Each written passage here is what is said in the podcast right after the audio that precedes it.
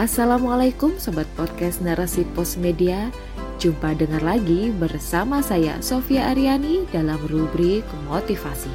Dan rubrik motivasi kali ini dengan judul Tujuh Jalan Menggapai Kebahagiaan oleh Asri Mulia. Sejatinya dalam hidup yang ingin diraih oleh manusia ada kebahagiaan – banyak hal yang bisa menyangkut kebahagiaan, seperti kebahagiaan mendapat pasangan hidup, kebahagiaan mendapat momongan, kebahagiaan bisa mendapat pekerjaan, kebahagiaan mendapat kesuksesan dalam usaha, dan lain sebagainya. Kebahagiaan itu memiliki standar sendiri, selalu berbeda bagi setiap manusia menilai dari sudut pandangnya. Ada yang memberikan standar tinggi keduniaan, dalam arti bisa dikatakan kebahagiaan bisa dirasakan bila seluruh kehidupan duniawi bisa diraih dengan nilai pandangan materi dan dipandang manusia sebagai suatu hal yang hebat. Dipandang kaya harta, padahal menurut hadis Nabi, kekayaan itu sesungguhnya bukan dinilai dari kaya harta, tetapi dinilai dengan kaya hati. Yang namanya kaya atau hina bukanlah dengan banyaknya harta atau banyaknya kemewahan dunia. Namun yang namanya hina atau kaya adalah hati yang selalu merasa cukup. Hadis riwayat Bukhari dan Muslim. Ada pula kebahagiaan dinilai standar tinggi terkait hari esok atau akhirat Bila mana manusia itu meyakini segala hal yang berhubungan di dunia ini sejatinya akan dibawa ke akhirat. Dengan bersabar meningkatkan keimanan dan ketakwaan, meniatkan segalanya hanya karena Allah untuk mendapatkan bahagia dunia dan akhirat. Keimanan itulah hal yang paling membahagiakan, ditunjukkan dengan hati yang selalu tenang dan selalu melakukan amal solih. Katakanlah, hai hamba-hambaku yang beriman, bertakwalah kepada Tuhanmu. Orang-orang yang berbuat baik di dunia ini memperoleh kebaikan. Dan bumi Allah itu adalah luas. Sesungguhnya hanya orang-orang yang bersabarlah yang dicukupkan pahala mereka tanpa batas. Terjemah Quran Surat Az-Zumar ayat 10 Hal apa saja yang membuat manusia mencapai kebahagiaan?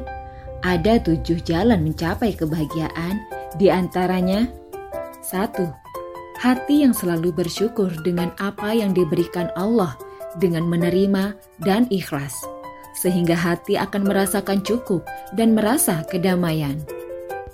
Dua, pasangan yang solih dan solihah Bila memiliki pasangan yang taat akan perintah Allah dan bersama dalam membina rumah tangga yang didasari agama, insya Allah pasangan yang dimiliki di dunia kelak menjadi pasangan di akhirat pula.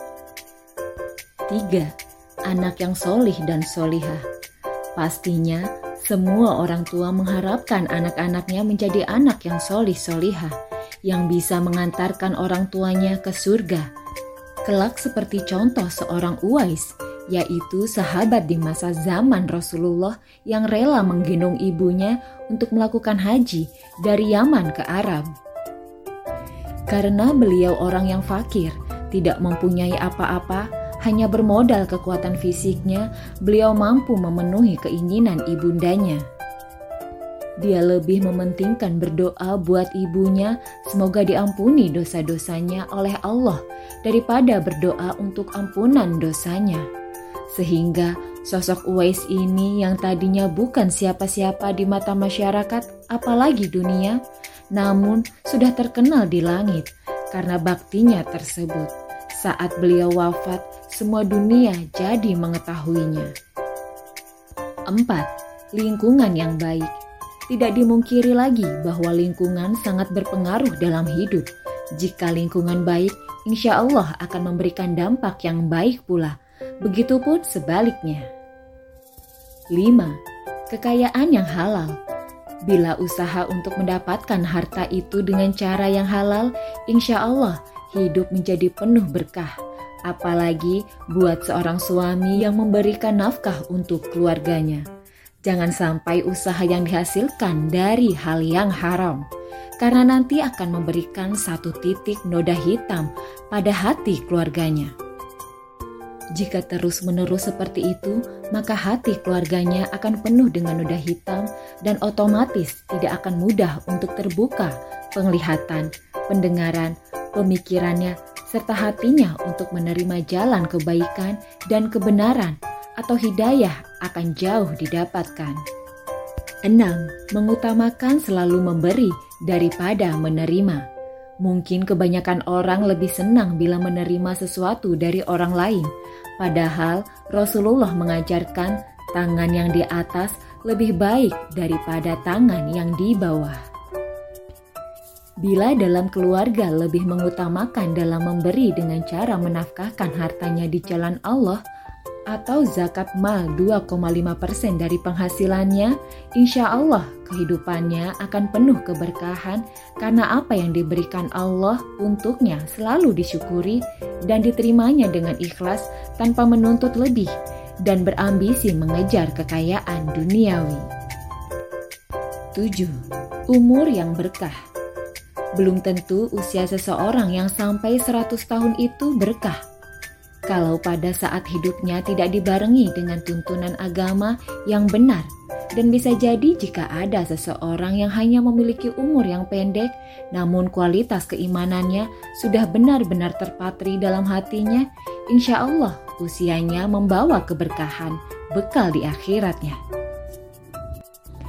Maka dianjurkanlah kita untuk selalu berdoa mendapatkan usia yang berkah bukan doa meminta panjangnya usia. Wallahu a'lam bisawab.